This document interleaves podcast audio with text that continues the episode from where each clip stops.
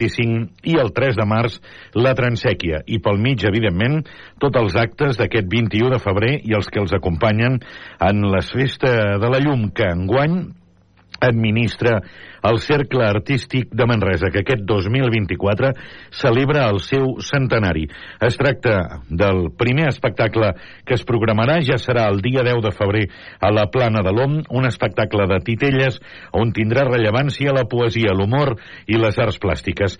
I és que l'entitat administradora ha preparat activitats per apropar el dibuix i la pintura a tots els públics. Escoltem en Joan Carrió Grau, president del Cercle Artístic de Manresa. Quan Bé, sembla que no el podem escoltar. Qui sí que podem escoltar és a la regidora de Cultura, Tània Infante. L'acte del Pacte de la Concòrdia eh, repeteix enguany el format de l'any passat, que serà a plaça Europa i que busca doncs, acostar a aquella part més tradicional de la festa a tota la ciutadania. Com bé sabeu, eh, és un acte eh, que recrea l'acord entre el bisbat i les autoritats eh, manresanes que va permetre desencallar la construcció de la sèquia i fer arribar l'aigua a tots els manresans i per tant busca posar en valor eh, aquest acord eh, arribat després de, de trobar-nos amb el problema i és que aquest acte del Pacte de la Concòrdia, que es va estrenar en l'edició passada, es manté com tants altres que es van posant al llarg del programa, que es mantenen per la banda institucional o per les diferents entitats que organitzen, ja sigui dins del programa de la llum o amb totes aquestes altres celebracions que són paral·leles, com és els Jardins de Llum, com és la Fira de l'Aixada o com és la Transèquia. Tot plegat configuren una festa molt nostrada, com us recordava l'Àngel Serantill, la presidenta de l'associació Misteriosa Llum. Està contents de poder participar d'aquesta festa, poder eh, gaudir d'aquesta quantitat d'actes que el Cercle ens ha preparat, junt amb altres entitats de Manresa, perquè si hem dit que era una eh, festa eminentment eh, popular i de, amb unes arrels tan i tan centenàries, eh, també s'aguanta pel fet de que hi ha eh, darrere sempre i cada any, any rere any, una quantitat d'entitats al marge de, de l'entitat administradora que fan possibles tots aquests actes.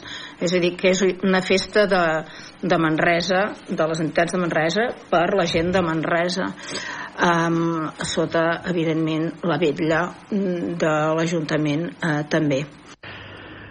Anem per altres qüestions. En aquest cas, ahir es va presentar el fet que la UBIC UCC ha complert 10 anys i us fa amb una valoració absolutament positiva. La valoració de que cada cop tenen més estudis, més estudiants, més presència internacional. Deu anys després de la unió de la Federació de la UBIC i la Universitat Central de Catalunya compten amb un 27% més dels alumnes, que no està gens malament. També es recordava que, segons els responsables tant, per una banda, de la Fundació Universitària Balmes, que és la vessant de Vic, com de la Fundació Universitària del Bages, el nombre d'alumnes, com dèiem, ha crescut, s'han passat de 65 a 71 titulacions i que un dels grans èxits va acabar sent la creació dels estudis de la Facultat de Medicina. Per cert, que ja que parlem d'estudis, demà 32 equips formats per set estudiants de secundària, competiran al Museu de l'Aigua i el Tèxtil de Manresa en la primera fase de la desena Copa Cangur, un concurs organitzat per la Societat Catalana de Matemàtiques i adreçat als alumnes d'ESO. Concretament, morning.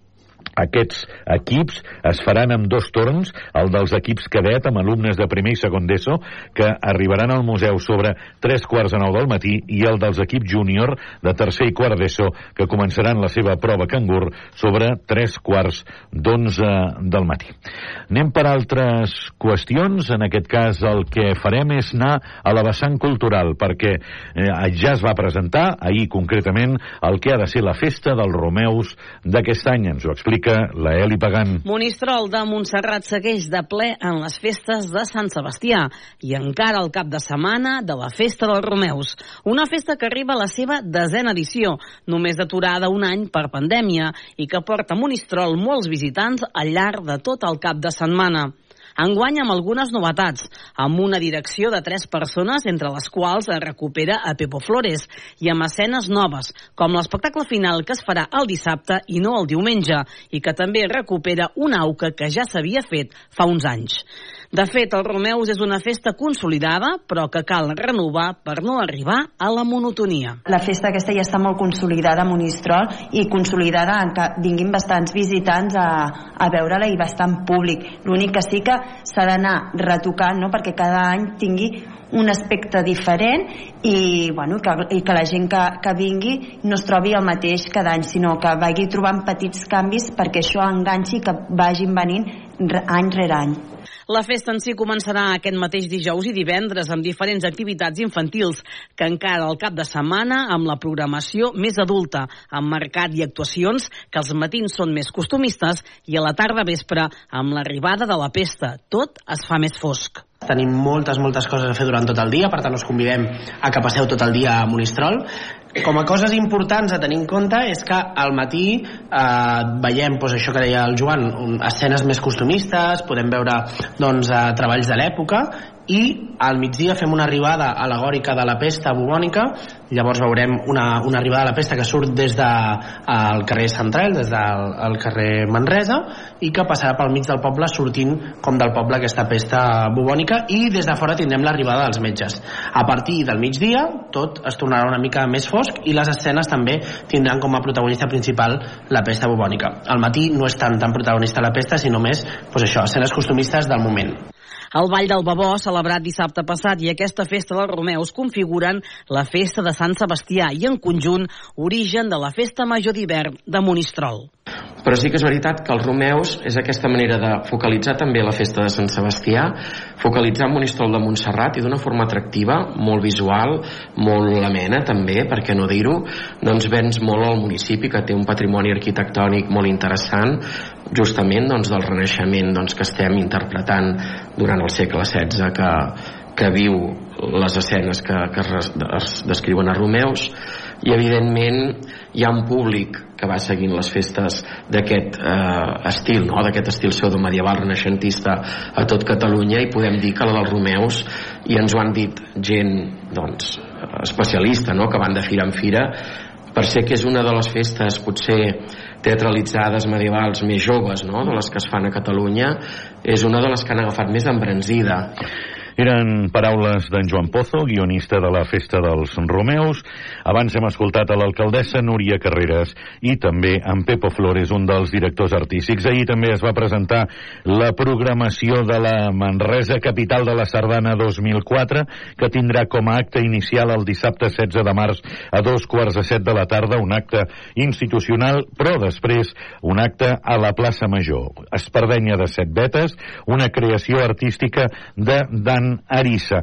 I encara recordarem més temes en el capítol cultural. El professor de comunicació de la Universitat Ramon Llull, David Serrano, és el guanyador de l'11è Premi Josep Maria Planes d'investigació periodística pel, pel llibre Jebuane, una història universal. El premi, que està dotat amb 1.000 euros, està convocat per la demarcació Catalunya Central del Col·legi de Periodistes de Catalunya amb el suport de l'Ajuntament de Manresa. També es va decidir d'atorgar una menció especial als periodistes de la directa, Jesús Rodríguez, Gemma Garcia i David Bou pel reportatge sobre els policies infiltrats als moviments populars de Girona.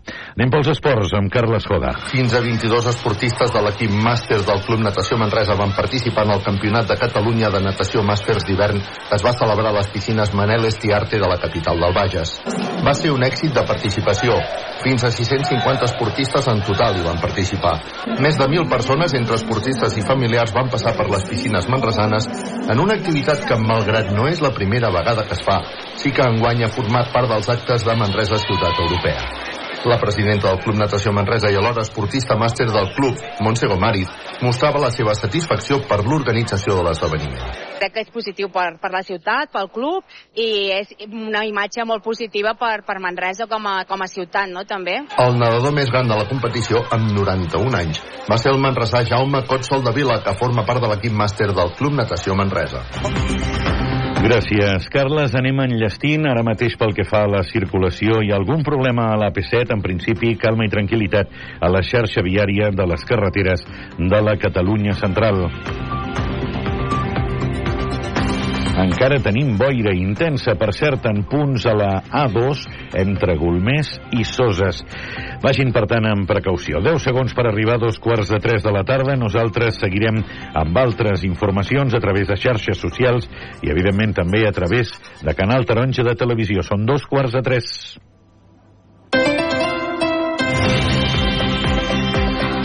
Hora 14.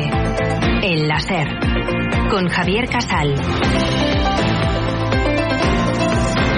Una y media en Canarias, pendientes del Open de Australia, pendientes de Alcaraz. Pintaba feo Oscar Ejido a las dos en punto de la tarde, pero tenemos ahora mismo a Alcaraz en plena remontada, ¿no? Buenas tardes. Sí, está Alcaraz en modo remontada, ha remontado el partido, 6-3 perdió al primero, 6-1 perdió al segundo, y cuando parecía con el 5-2 en el tercero, que lo tenía todo perdido, el murciano ha remontado, 5-5, 6-5, luego 6-6, se ha ido al tiebreak, lo ha ganado 7-2 con mucha superioridad, así que ahora mismo pierde 2-7-1, pero va a haber cuarto set y el mazazo para el alemán es increíble después de la remontada que ha tenido Alcaraz pendientes de Australia durante toda esta edición de Hora 14. Feijó abre otros frentes con el tema de la amnistía y sus pactos con Junts colocando al gobierno en una situación complicada con su partido, el PP, cuestionando abiertamente la independencia del Constitucional. Feijó va y esta mañana se desmarca con esta propuesta sobre la selectividad con la EBAU en las comunidades en las que gobierna su partido, el PP. Nuestro compromiso es que la EBAU sea un sistema común en todas las comunidades del Partido Popular